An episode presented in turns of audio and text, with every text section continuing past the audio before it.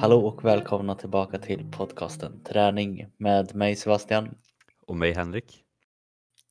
Ja, idag så kommer vi helt enkelt gå in på ytterligare en liten text därifrån eh, vår kära hemsida idrottsforskning.se som vi alltid är tacksamma för att de tar upp lite intressanta artiklar som vi läser igenom och drar igenom lite lätt för er. Dagens text är skriven av Viktor Bengtsson från Uppsala universitet. Och de frågorna som vi tänker ta reda på idag är Vad är okklusionsträning? Vad är okklusionsträning bra för? Och är detta framtidens träningssätt?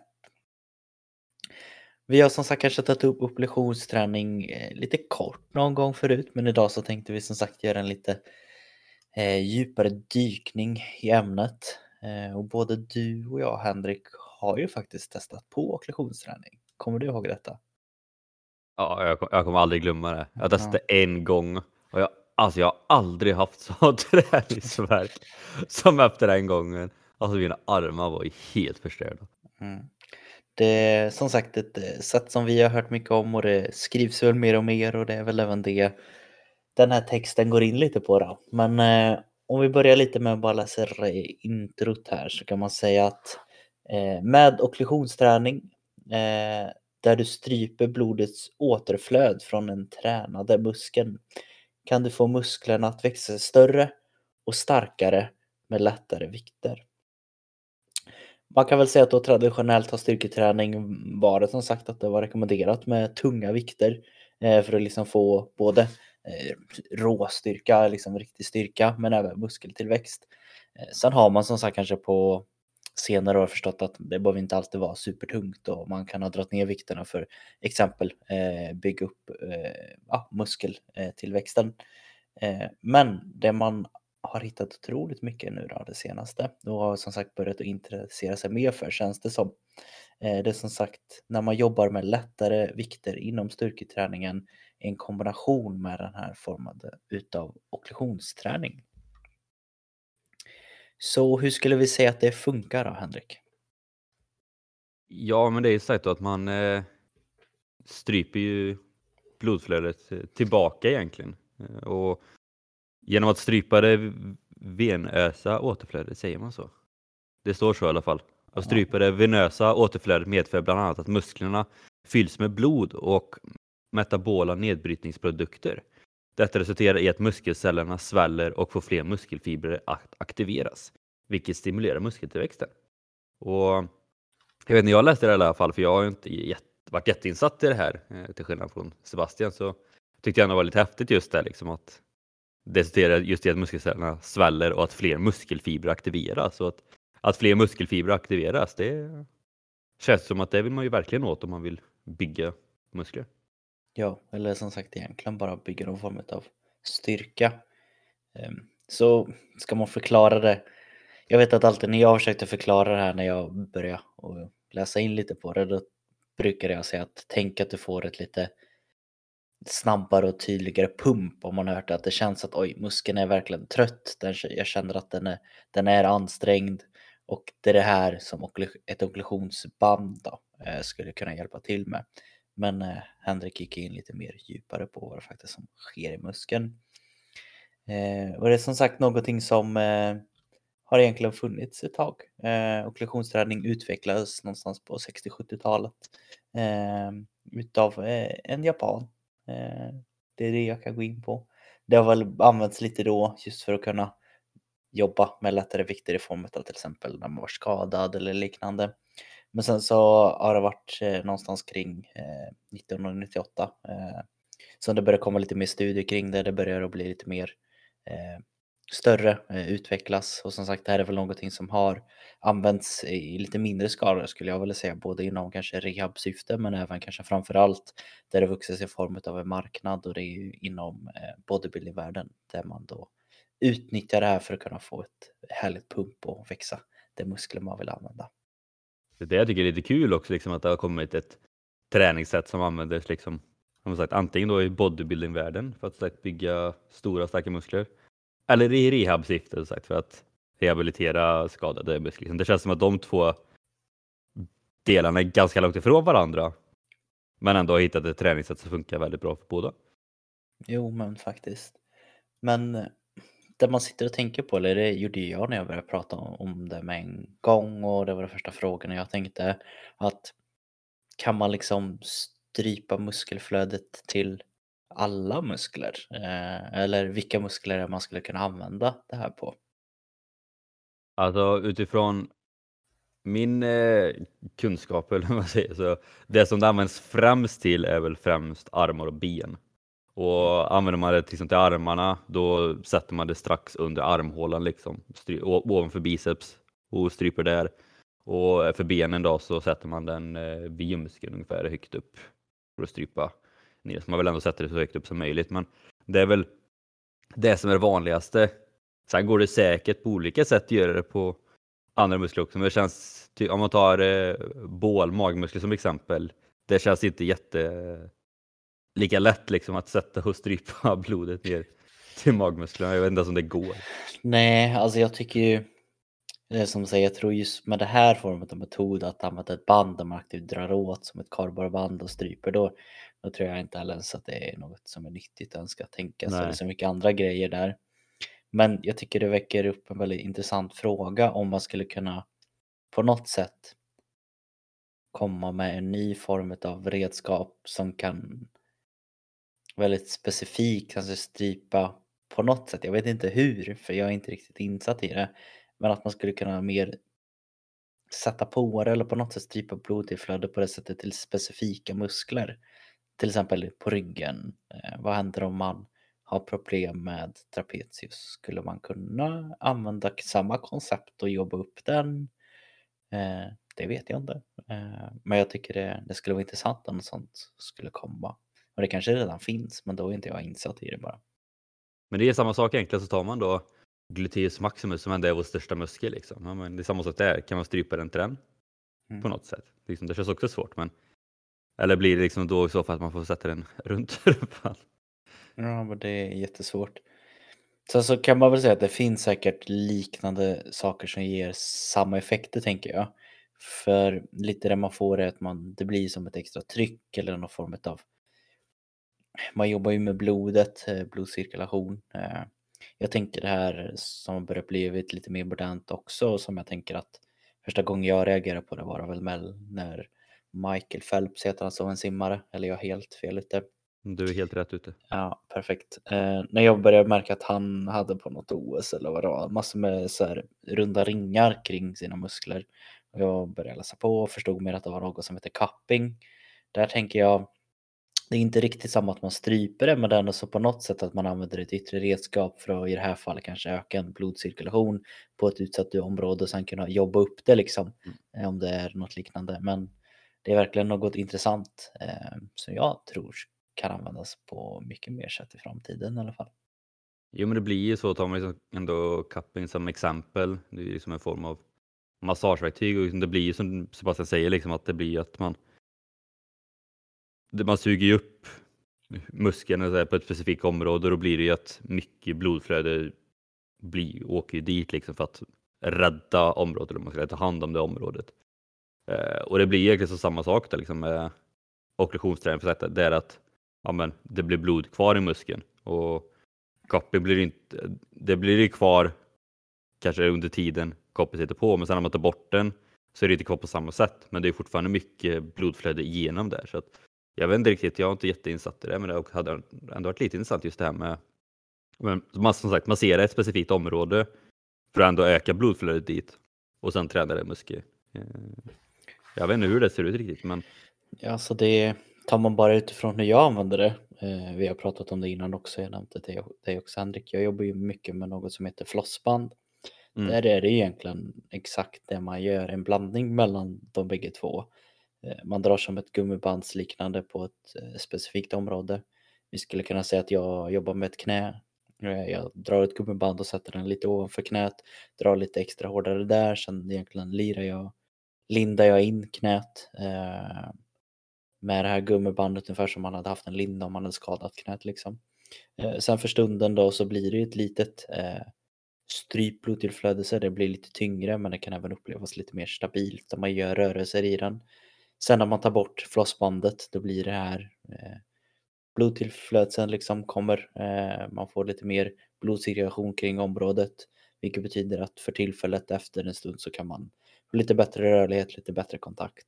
Så det är väl egentligen kanske det som, som skulle kunna vara att man kan gå in och specifikt eh, jobba med specifika muskler men jag håller nog med det är fortfarande svårt vid, vid mag och bål. Ja, det känns så. Eh, men som du sagt, det kanske alltid kommer, kommer nya, nya saker. Det kommer det troligtvis göra på, på ett eller annat sätt. Jo, men verkligen. Men eh, när man har fått en liten eh, mer ja, men lite förståelse om vad det faktiskt är och eh, hur tänker vi då, då? Vad säger forskningen utifrån den artikeln vi har? Hur skulle det här kunna eh, användas om vi tänker att vi kan eh, börja liksom någonstans med rehaben? Vad skulle vara syftet med att använda det här i ett rehabsyfte? Eh, jo, ockupationsträning som rehabilitering. Eh, att ockupationsträning utförs med lätta vikter är såklart en fördel om tillgången till tyngre vikter är begränsad. Det kan också vara en fördel för personer som på grund av skada, operation eller ledsmärta inte kan utföra styrketräning med tunga vikter. Effekten av okklusionsträning har studerats i samband med flertalet skelettmusklers besvär, exempelvis vid artros eller efter operationer. En sammanställning av studier utförda på patienter med olika skelettmusklers besvär visade att okklusionsträning gav större styrketräning jämfört med motsvarande styrketräning utan okklusion.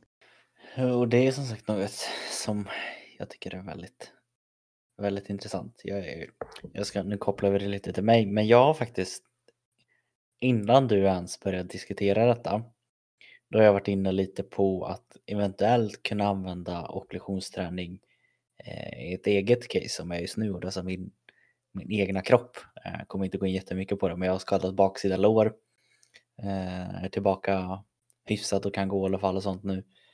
Men eh, jag skulle ju verkligen vilja se och jag ska även ta upp med folk i min omgivning om de tror att okklusionsträning skulle kunna vara ett alternativ för mig att komma tillbaka snabbare helt enkelt ifrån den här skadan.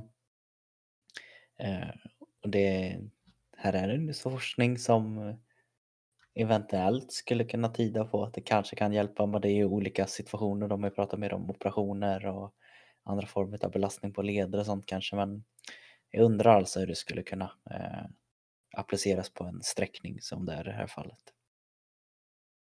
Jag hade inte blivit förvånad ändå om det finns eh, forskning på just bristningar med tanke på hur vanligt det ändå är. Mm. Så att eh, det var det. Du kanske får göra en egen studie under tiden. Ja, vem vet. Eh, men det är lite som sagt hur den skulle kunna användas i just eh, rehabsyfte. Tänker man just med styrketräningssyfte då är det väl mer att eh, ja, det är mer att man, det ska bli ett annat sätt så som Henrik pratade mm. om att med den här trycket i muskeln så aktiveras det med muskelfiber vilket kommer göra att för tillfället där så blir det ju faktiskt att man bryter ner muskelfiber för det är det som sker när man tränar kroppen känner att oj, jag måste bygga upp de här starkare och större, vilket kommer resultera i att man blir starkare och större helt enkelt. Eh, men tänker man då kanske mer praktiskt på ett sånt här pass skulle kunna ha sett ut, eh, då skulle man kunna ha som riktlinjer att okklusionsträning skulle kunna utföras någonstans mellan två till fyra gånger i veckan. Där det egentligen ligger på en belastning då som skulle motsvara någonstans mellan 20 till 40 procent utav ett, ett eh, repetition maximum det här kanske inte skulle se så jättemycket tycker jag att vara mitt maximum och jag hade velat träna det men eh, man kan få i alla fall hum om att det, det är ganska lätt. Eh, det ska nästan vara så att man känner att oj, kan det här ens bli tungt skulle jag vilja säga. Eh, när man gör det här träningspasset så rekommenderas det att ett, eh, det består av någonstans mellan två till fyra set med repetitioner som rör sig hela vägen ifrån 50 till 80 repetitioner. Um, det säger sig själv som sagt att när man har en lättare vikt då ska man kunna pressa sig lite mer. Eh, men det är även tanken att eh, det är det som ska då kompletteras lite med att göra det lite mer tyngre i kombination med det här okklusionsbandet. Så skulle man lägga upp någonstans de här fyra sätten, då skulle man lägga sig att någonstans första sättet skulle ligga kring 30 repetitioner, de resterande tre skulle ligga kring 15. Anledningen till att man har valt att göra det här, det är som sagt för i början har man inte riktigt eh, hunnit att strypit, strypa blodtillflödet eh, någon längre tid. Därför kommer man att kunna utföra betydligt fler repetitioner. Eh, därefter så kommer det ju som sagt bli lite mer tydligare tryck in i muskeln vilket kommer göra att man kommer inte orka eh, riktigt lika länge. Här kollar man med vila någonstans då, då är det som sagt att ja, det skulle säkert kunna gå och vila som sagt lite olika men även här säger de att mellansätten så kanske det ska vara någonstans mellan 30 till 60 sekunder. Ehm, det som kanske är viktigt att ta upp det är att det, generellt sett så är det inte en rekommendation att på det här okklusionsbandet för länge. Ehm, vilket betyder att eh, du rekommenderas dock att eh, bibehålla liksom okklusionen under 5 till 10 minuter i sträck. Det betyder att skulle det vara ett sånt här att pasta jättelångt eller man kanske inte ska på det hela tiden. Eh, och det är bara för sagt att eventuellt som all träning så kan det komma skador liksom. Eh, så hellre är det bättre att man gör det lite mer intensivt och kanske drar ner lite på vilan då. För att verkligen hinna få ut de här repetitionerna skulle jag säga. Ja, det, till slut så krävs det ändå att man behöver släppa tillbaka blodet eller vad man säger annars blir det nog inte jättebra. Nej. Eh, så där får man och då kan man ju som sagt eh, testa på lite och köra det här antingen kanske på ben eller armar som sagt. Undrar man vart sån här finns så kan man väl egentligen bara söka på okklusionsträning skulle jag säga. Jag för mig att gymgrossisten ska nog ha det här. Kan tänka mig att andra former av gymbutiker har säkert sådana okklusionsband. Brukar oftast finnas i olika storlekar.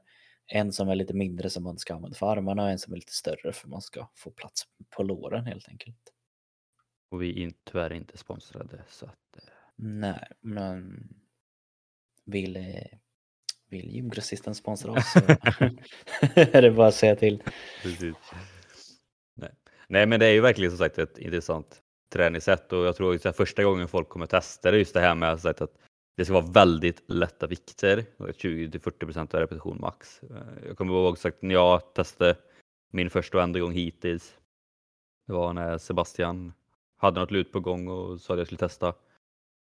Jag kommer inte ihåg exakt, men jag tror att, för det var bicep vi skulle köra då och jag tror att jag tror som jag hade typ en två kilos hantel eller någonting, alltså det var jättelätt och jag var också så här liksom bara att jaha, vad ska vi göra? För han hade inte förklarat heller vad vi skulle göra utan han sa bara gör det här. Så att han, jag hade ingen aning. Liksom. Och sen körde man liksom och man kände, till en början var det ju som sagt bara att, men, jaha. Vad, vad ska det här ge för någonting liksom? Varför det var så lätt till en början? Och sen alltså när det började komma så här, då känner man ju direkt bara att okej, okay, det här det här är en trötthet man inte är jättevan vid liksom. Och så körde vi ändå sagt det ett par gånger och alltså det var när man kom där till, till nästan failure där i slutet, alltså det var det var typ ändå en obehaglig känsla men ändå typ en rätt skön känsla. För att det är inte ofta man känner sån alltså, trötthet i musklerna på det Nej. sättet skulle jag ändå säga. Ja, men det är liksom, of... muskulär trötthet liksom totalt. Ja. Ja, för ofta när man tränar, det är klart så här, alltså, typ när man kör eh, knäböj eller vad som helst, liksom, det är klart man känner liksom att man blir trött, eller man tappar kraft, men det, det är, så, det är ofta nästan det att man tappar mer kraft. Så att man inte klarar de här tunga vikterna man har på. Liksom. Men just här blir det ju så sagt, eftersom man har så lätt vikt, liksom, det är inte kraften som försvinner utan det är bara att alltså, muskeln är bara helt färdig. Och det är ju så sagt eftersom det blir fler muskelfibrer då, som är med, då blir det också fler muskelfibrer som tröttas ut. Och jag kommer bara, ah, man var så jäkla trött sen när man släppte på kollektionsbandet och allt, flöt på så vanligt igen, det var så gött. Och sen dagen efter kommer jag ihåg när jag bara skulle gå upp ur sängen, liksom, så här, jag hade ingen kraft i armarna för att kunna så här, komma ur sängen nästan. Så jag var helt färdig. Och jag kommer ihåg att jag hade träningsvärk ett par dagar framöver, men det blir alltid så när man gör en ny, ny grej som man aldrig gjort innan, när kroppen inte är van vid det. Men jag vet faktiskt inte varför jag inte har gjort det efter det, för jag tyckte ändå att det var liksom ändå en rätt alltså, rolig upplevelse. Alltså jag, jag vet ju helt enkelt att jag ska ta fram min okulationsband och använda dem idag. Det är ju mer att man, har, man glömmer nog av det, det träningssättet finns liksom. Mm. Uh, sen så tror jag, nu är det väldigt så här gissning, uh, men det känns desto mer man håller på med det, desto mer blir kroppen anpassad utav det. Vilket jag upplever att jag har ju känt mer och fått mer resultat när man har hållit på och sen kanske hoppat av lite och sen hoppat på än om man kanske låg eh, konstant och körde det eh, lite mer hela tiden. Eh, sen kan det säkert vara en mental grej också. Men det är ju också, sen kan det också vara åt andra hållet om man mentalt inte vill göra det.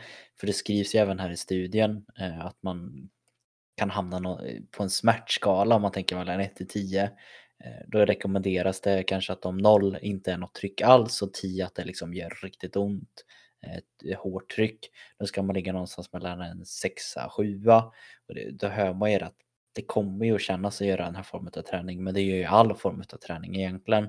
Men det kan ju vara något sånt också att man glömmer av det, man vill inte utsätta sig för samma pass igen liksom. Nej, och det, och det, men det är ju så sagt med allt att alla personer föredrar olika träningsmetoder och träningspass och liknande. Och så, här. så vissa kommer säkert älska okklusionsträning och vissa kommer säkert avsky det bara för sagt att det är ändå lite obehaglig känsla. Dels bara själva bandet som sitter på.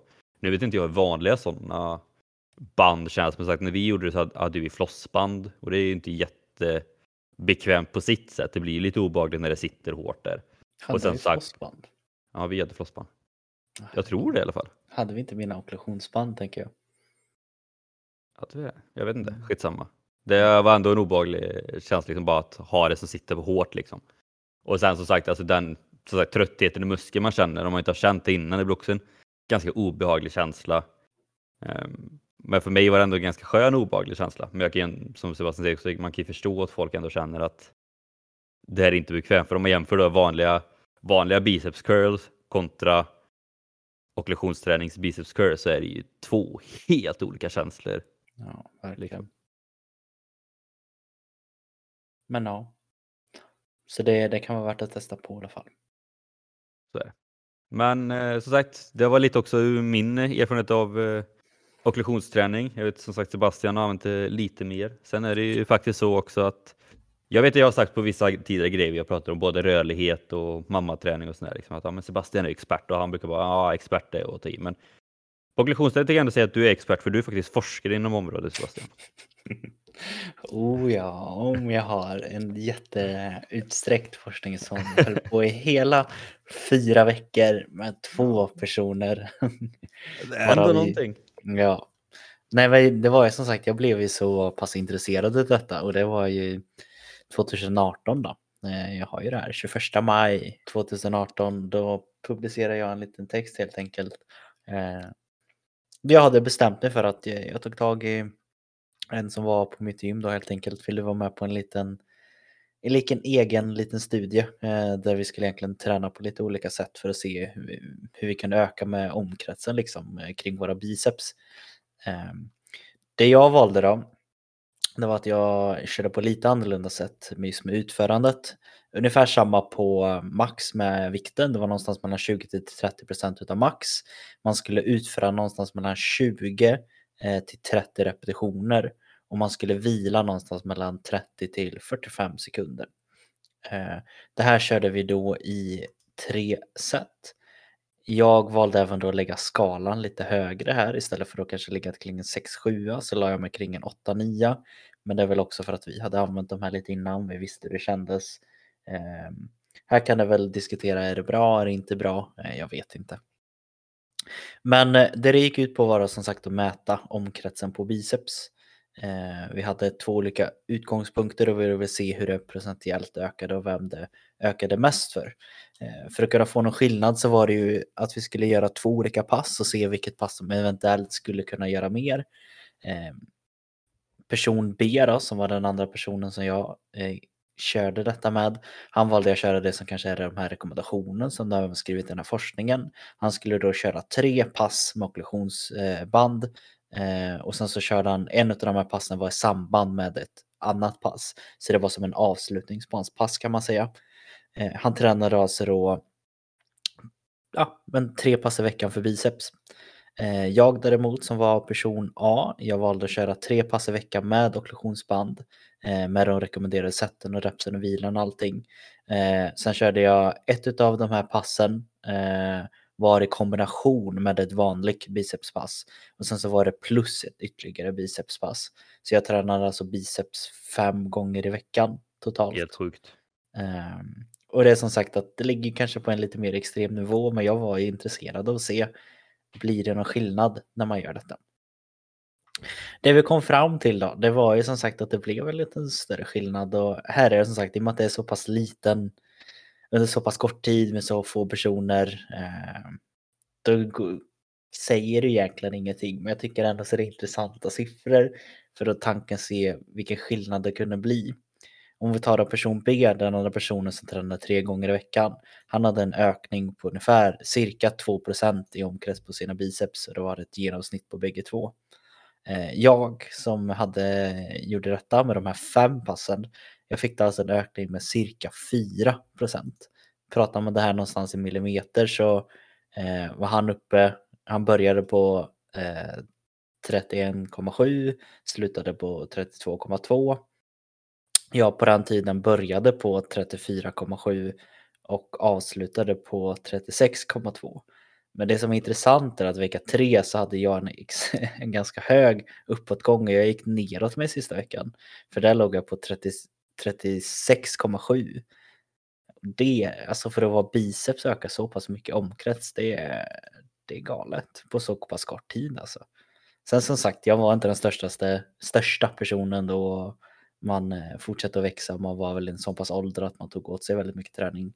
Men det är otroligt häftigt att man ändå så kan öka någonstans med 2% på bara en månad i omkrets på biceps. Eh, och tänk vad man hade kunnat göra med lår eller andra muskler om man hade gjort liknande liksom. Ja, men det är verkligen helt sjukt. Jag vet, vi pratade om det lite innan också, diskuterade bara så här att ja, men det kanske var typ till exempel att lite pump ligger kvar eller att det är lite svullet, men oavsett så sagt, alltså 2-4 procent, liksom, det, det är mycket på, alltså, på fyra veckor. Liksom. Ja, hade man, hade man sagt det till många att jag kan öka din, din volym på dina biceps, kanske för folk som har ett ideal och vill ha stora biceps och kunna säga att men jag, jag, kan, jag kan få det att öka med 4% per månad. Eh, vill göra detta? Det är ju många som har självklart. Det är liksom procent som man kan vara nöjd om man klarar på flera år. Mm. Eh, men sen är vi, vi bägge två var i en sån pass fas att vi hade inte jättemycket muskler på kroppen och vi var i optimalt förutsättningar för att bygga muskler. Och vi var inte i närheten utan av genetisk max heller utan det var ju verkligen uppbyggningsfaser. Det hade ju varit intressant att se sagt, om det hade fortsatt sen och se om det liksom hade fortsatt öka eller om det hade liksom, mm. alltså sakta men säkert slutat öka. För det är ju som sagt att ja, men dels så hade ni inte, kanske inte tränat jättemycket sånt innan, vilket innebär att det är större chans att ni bygger muskler och sen så ett nytt träningssätt, vilket också innebär att kroppen är inte van vid det, vilket också innebär att det kommer öka snabbare. Men sagt att om man fortsätter med det som vi pratade lite om innan, att då kommer kroppen vänja sig och ju mer man ökar desto svårare är det att öka mer liksom. Så att det, det är det som blir lite, så att det är ändå kul att du gör en studie med tanke på att du gjorde det på egen hand eller vad man säger. Ja, det är ah. studie, det är bara sammanfattande text liksom. Ja, men annars brukar det liksom vara att man gör antingen via universitetet eller om man har via något projekt eller någonting. Så det hade varit jäkligt intressant att göra alltså en riktig studie, jo, alltså man här, följa, längre tid. Följa några, ja, det är optimalt som sagt, självklart desto större grupp man hade fått desto bättre hade det varit. Men man följer kanske några hundra som kör två olika upplägg, kanske samma upplägg som de här då. De kör Passal eller PSB. Mm. Några gör en extrem, några kanske tre grupper då för att vara ännu mer exakt. Att några gör det, några gör det, några kanske inte använder opperationsträning alls. Och helst hade det kanske varit en fjärde grupp som inte tränar. Alltså det förstår man kan ju få hur mycket data som helst. Men det hade bara varit intressant att ske, se skillnaden i utveckling av ökad muskelstyrka och muskler eh, med hjälp av okklusion, inte okklusion eller hur mycket okklusion men det är väl det som börjar komma, tänker jag. Och vi kommer säkert se mer studier kring detta. Ja, men det tror jag verkligen. Som sagt, det, så fort någonting börjar öka lite och det börjar komma lite kommentarer. Som sagt, här nu idrottsforskning har skrivit en, en sammanfattande artikel om det liksom. Och ju fler som får förståelse för eller bara får kunskap om att det finns, desto mer forskning kommer det komma om det. Mm. Eh, men utifrån att höra allt det här så hör man ju väldigt mycket positivt. Eh, det låter alltid bra allting sånt och vi är alltid väldigt tydliga med att vi vill alltid ta upp och uppmärksamma eh, två olika sidor. Och någonting som kanske poppar upp ganska snabbt i någons eh, huvud är när man hör ordet strypa blodtillförseln. Det låter farligt. Det här borde vara skadligt, tänker jag. Eh, vad säger de? Är det, är det skadligt, Henrik? Alltså först och främst så kan man ju liksom säga, de skriver ju med i texten liksom att de rekommendationerna är att ha på bandet som alltså i 5 till 10 minuter mm. Eh, innan man ska släppa på det och det är ju som sagt för att alltså blodet ska kunna flöda fritt eh, så mycket som det går. Så man vill liksom inte låsa kvar blodet eller någonting för då kommer det bli åderbråck och eh, sånt. Eh, och sen var det faktiskt en som kommenterade på den artikeln liksom, att ja, liksom, är eh, eller vad, vad, finns det för risker? Liksom. Och då svarar de att eh, okklusionsträning är inte helt riskfritt. Men det är inte annan styrketräning heller. Och det är framförallt tre risker med okklusionsträning som lyfts fram. Och det är risken för ventrombos efter operationer, påverkan på blodtrycket och risken för rabdomyolys. Så finns det, det heter. Och I en översiktsartikel konstateras det att det idag inte finns några belägg för att okklusionsträning skulle öka risken för ventrombos mer än traditionell träning. Och en annan eh, översiktsartikel med metaanalys visar att okklusionsträning resulterade i ett lägre blodtryck direkt efter träningspasset jämfört med traditionell styrketräning, men högre systo systoliskt och diastoliskt blodtryck under träningspasset. Och sen gällande risken för rabdomyolys finns begränsat med forskning och den forskning som tyder dock på att risken är jämförbar med traditionell styrketräning, det vill säga väldigt liten. Överlag verkar risken med okklusionsträning vara jämförbar med traditionell styrketräning. Så kort och gott kan man egentligen säga bara att ja, det finns risker. Det kommer det alltid göra med all träning, vad man än gör. Oavsett hur riskfritt man försöker få det att bli så kommer det alltid finnas risker. Både med själva träningen, med skaderisker, men även alltså kropp, kroppen är som kroppen är. Man eh, vet aldrig riktigt. Det är mycket som ska stämma liksom. Och vad man än gör så är det alltid någonting som riskeras, känns det som. Och, men kollar man då på det här, så dels så finns det ju inte jätte, så återigen, ganska begränsad forskning som ändå kan styrka eller eh, ja, ta bort riskerna för olika saker. Men mycket var ju ändå liksom lik traditionell träning. Och jag tror ju mycket egentligen hänger på just den biten med att så länge man liksom inte låter banden sitta kvar för länge så är det ändå lugnt. Utan det är liksom det är där som jag tror att den största risken finns. Att om man låter okklusionen liksom sitta kvar under en längre tid, det är då riskerna ökar och ganska rejält. Ja. Om jag, jag får lägga min kvalificerade killgissning. Ja, alltså jag är ett väldigt tydligt exempel på det här. Eh, när jag började med det här på gymmet, då var det klart att det var många som kom fram och frågade vad jag gjorde. För de var, var det, det så konstigt ut. Jag försökte förklara men var väldigt tydlig med riskerna. Sen var det en på gymmet som började även med det här också. Eh, jag hade, han hade inte pratat med mig, jag tror inte han hade förstått riskerna i det. Han gick i rå med de här ockulationsbanden på under ett helt armpass. Han körde alltså ett vanligt armpass, eh, biceps triceps med dem på. Han kunde vara där i kanske över en timme eh, och tog inte av dem. Eh, jag gick fram någon gång och pratade med han och sa att eh, det är inte smartaste och sa lite risker och sånt. Eh, han lyssnade väl inte riktigt. Sen var det ju en dag som han kom och hela hans biceps var totalt förstörd. Var helt blå. Han hade väl dragit av fästet också tror jag. Men det blev ju att det blev för det blev för högt tryck och han var liksom borta jättelänge. Man såg ju på den bicepsen att den var totalförstörd. Men det var ju som sagt, gör man någonting för mycket oavsett hur bra det är då blir det i slutändan inte bra liksom. Jag fattar inte ens man, jag vet att du nämnde in, jag, vet inte, man, fattar inte ens man kan ha det kvar så länge. För återigen, det är inte bekvämt. Nej. Sen, alltså, sen kanske han hade det på en, eh, en femma på en 10 graders skala mm. och det kan ju sagt räcka om man har på det så pass länge. Klart, ju hårdare du trycker desto kortare tid ska du väl egentligen ha på det. Liksom. Jag menar, mm, men liksom ändå, alltså, även om det bara hade varit en femma så blir det så här ändå, det är en timme. Liksom. Så, så skönt är det inte att ha på de eh, banden. Nej. Så det är med all träning att eh, ja, man måste vara lite försiktig. Så är det. Man får testa sig fram lite. Det, mm. och det tror jag de pratade om här också, eller om det var du som sa liksom, att man är man osäker på de här, liksom, hur hårt det ska sitta, men då är det bättre att liksom, börja med ett lätt tryck och sen sedan ökar man. När man lär känna både sig själv och liksom, träningen lite mer, liksom, då kanske man känner att nästa gång jag kör då kan jag nog dra åt lite hårdare, eller lite hårdare. Så att, så att man inte börjar på en nio kanske första gången man kör. Och så. Nej, och det hör väl också ihop med att sättet som man stryper faktiskt blodtillförseln. Det är ju mer den yttre som vi vill strypa. Vi vill inte dra så pass hårt att vi ska liksom strypa den totalt, för då är det, inte, då är det inte bra. Eh, inte alls. Då vet jag inte ens om det går att köra en biceps curl om man skulle dra så hårt. Nej, den kunskapen har tyvärr inte jag heller så jag har kommit uttala mig. Men jag ser som sagt att håller eh, till en upplevd 6-7 skulle väl jag säga.